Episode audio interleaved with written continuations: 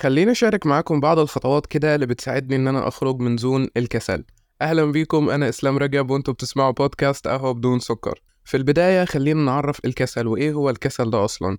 الكسل إن يكون عندي مجموعة من المهام كده المفروض إن أنا أعملها أصلا وعندي الوقت اللي يخليني أعملها وعندي الطاقة برضو اللي تخليني أعملها وعندي المقدرة أصلا. بس أنا مش عايز أعمل ده وكسلان كده وحاسس إن أنا مش في ال mood وبدخل نفسي أحيانا كده في دور الضحية وإن أنا مظلوم والدنيا جاية عليا. والظروف مش مساعداني والمكتب أساسا مش مثالي وحاجات كتير جدا وحجج وأعذار وحاجات كتير جدا بنحطها على نفسنا وأنا واحد من الناس دي لما بنكون كسلانين. فخليني أشارك معاكم كده بعض الخطوات اللي بستخدمها لما أحس إن أنا كسلان جدا مش قادر أعمل حاجة وورايا مهام كتير جدا المفروض إنها تخلص. رقم واحد بغير نظرتي تجاه الكسل. المفروض إن أنا أغير نظرتي فعلا تجاه الكسل. الكسل هو سمة طبيعية فينا كلنا مفيش حد كده مش بيتعرض للكسل في يوم من الأيام. بل كمان مفيش حد أصلا ما بيحبش الكسل كده وبيحب إن هو يفضل في زون المرقعة كده إن هو يكون قاعد وما بيعملش أي حاجة خالص. فخلينا ندرك في الأول إن ده شعور طبيعي نتقبل الشعور ده ونفهم أكتر عن الشعور ده. لكن فكرة جلد الذات واللوم والعتاب والحاجات دي كلها عمرها ما بتجيب نتيجة. الخطوات العملية هي اللي كانت بتساعدني إن أنا أقوم أخلص الحاجات اللي عليا. فرقم واحد خلينا نغير نظرتنا تجاه الكسل ونقرأ عنه أكتر. نعرف إيه هو الكسل ده وإيه أسبابه أصلا وليه إحنا بنكسل وليه أنا في الوقت الحالي أصلا مكسل ومش قادر أعمل الحاجات اللي ورايا. تاني حاجة بقى نحدد أسباب الكسل لأن الأسباب هنا بتختلف من شخص للتاني. في حد بيشعر بالملل في حد مضغوط في حد تايه ومش عارف أصلا إيه سبب الكسل في حد ما عندوش دافع في حد كده ما عندوش أمل أصلا في حد كده في zone اكتئاب شوية. فبالتالي كده العوامل دي كلها بتأثر عليه وبتخليه مش قادر فعلا إن هو يقوم وينجز المهام اللي وراه. فلازم تحدد سبب الكسل. انت كسلان ليه؟ مش عايز تعمل اللي وراك ليه؟ إيه السبب الرئيسي اللي مخليك قاعد كده وكسول ومش قادر تعمل حاجة؟ فاقد الشغف ولا مكتئب ولا زعلان ولا محبط ولا حاسس بالضغط ولا حاسس بالملل؟ لازم تحدد السبب لأن بداية من السبب أصلا هتعرف تلاقي الحلول وهتعرف تقوم وهتعرف إن أنت تقوم تعمل اللي وراك بكل سهولة وبكل أريحية. تالت حاجة بقى إن أنت تحفز نفسك وده بيكون عن طريق المكافأة. يعني مثلا أنا قاعد كده ورايا مثلا مذاكرة وأنا مش قادر أذاكر بصراحة وكسلان إن أنا أعمل ده. فممكن أحدد مكافأة لنفسي إن لو ذاكرت دلوقتي هقوم مثلا وهخرج مع صحابي أو هقوم والعب الجيم اللي أنا بحبها أو هقرأ أو هعمل حاجة أنا بحبها.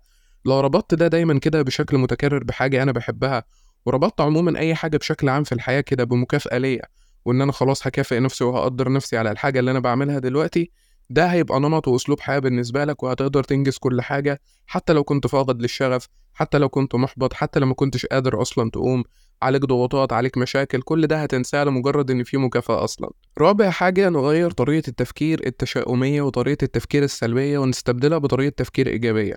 خلينا دايما ناخد الأمور كده من زاوية إيجابية شوية.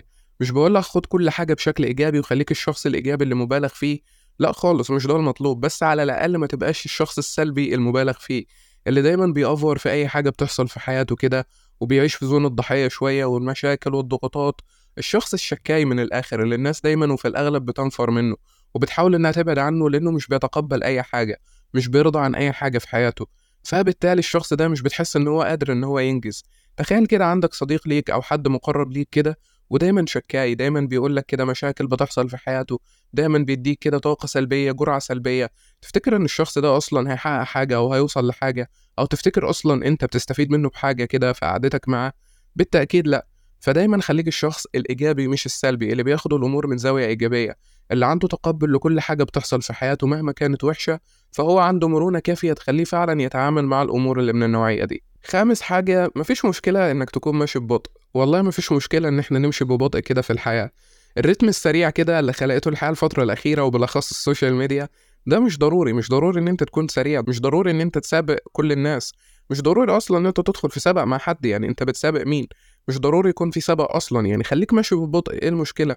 ما أنت برضه هتوصل للي أنت عايزه في النهاية. فامشي براحتك كده وببطء وعلى مهلك خالص وبلاش تتسرع في أي حاجة بلاش تستعجل النتائج بلاش تستعجل أي حاجة.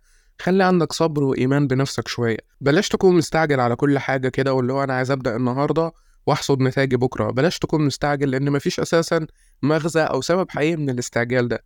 النتيجة والله هتاخدها هتاخدها والمهام اللي عليك هتخلص هتخلص. بس ابدأ فيها وخليك ماشي ببطء مفيش مشكلة. خليك صابر على نفسك عادي برضه مفيش مشكلة. أنت مش بتسابق حد ولا أنت في سبق مع حد ولا حتى في سبق مع نفسك في بعض الأحيان. أحيانا بيكون مطلوب مننا إن إحنا نسابق نفسنا بس مش ده النمط الطبيعي ومش دي الحياة بشكل طبيعي. إن أنا أفضل ماشي كده على طول بسابق وعايز أجري وعايز ألحق مفيش حاجة هتلحقها مفيش حاجة تستدعي الجري. كل المطلوب منك بس إن أنت تحاول مش أكتر من كده. ركز على المحاولات بتاعتك وبس. وأخيرا بقى وليس أخيرا حاول إن أنت تستمتع كده بأي حاجة أنت بتعملها. اربط أي حاجة أنت بتعملها كده بحاجة أنت بتحبها. لو بنتكلم عن مذاكرة فحاول تربطها بحاجة أنت بتحبها مكان بتحب تقعد فيه طريقة معينة أنت بتحبها. لو بنتكلم على شغل برضه حاول تربطه بحاجة أنت بتحبها.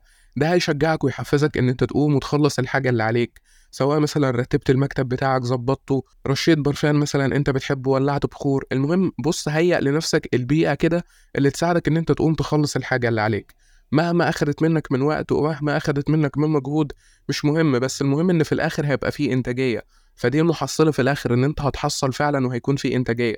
وده المهم أساسا في الأول والأخير إن أنت تكون بتنتج وإن أنت تكون عملت الحاجة اللي وراك. مش بالعدد مش بالكم الكبير بس على الأقل قمت وقاومت الكسل بتاعك وقدرت إن أنت تعمل الحاجة اللي وراك. وعلى سبيل إن إحنا اتكلمنا وقلنا إن الكسل ده سمة طبيعية فينا كلنا وكلنا بنعاني من الكسل في بعض الأحيان فاللي بيميز شخص عن التاني هي المقاومة والانضباط. مش فكرة إن الناس دي خارقة أو إن الناس دي عندها مزايا خارقة مثلا للطبيعة. الموضوع مش كده ابدا. الفكرة وكل ما فيها إن إحنا بنتعلم انضباط بنتعلم التزام بنحاول إن إحنا نقاوم نفسنا وده اللي بيفرق شخص عن شخص. إن في واحد بيقاوم وفي واحد مستسلم للأفكار بتاعته في واحد مستسلم للكسل في واحد حابب زون المرقعه من الآخر كده. فده اللي بيفرق شخص عن شخص تاني إن ده عنده مقاومة وده ما عندوش. ده عنده انضباط والتزام وده ما عندوش انضباط ولا التزام. فهو ده اللي بيفرق شخص عن شخص هو ده اللي بيميز الناجح عن شخص مثلا مش بيعمل أي حاجة خالص إن ده عنده صبر وعنده التزام وعنده مرونة وعارف هو عايز يوصل لإيه وواحد تاني هو مستسلم لكل أفكاره مستسلم لكل حاجة مش بيقاوم ما عندوش الرغبة تجاه المقاومة وده ممكن نتكلم عنه في حلقة تانية مفصلة إن يكون عندك رغبة أصلا حقيقية تجاه أي حاجة أنت بتعملها في حياتك. دي كانت حلقتنا النهارده أتمنى أكون كنت خفيف عليكم أتمنى تكونوا استفدتوا من الحلقة. وأشوفكم على خير دايما في حلقة جديدة وبودكاست قهوه بدون سكر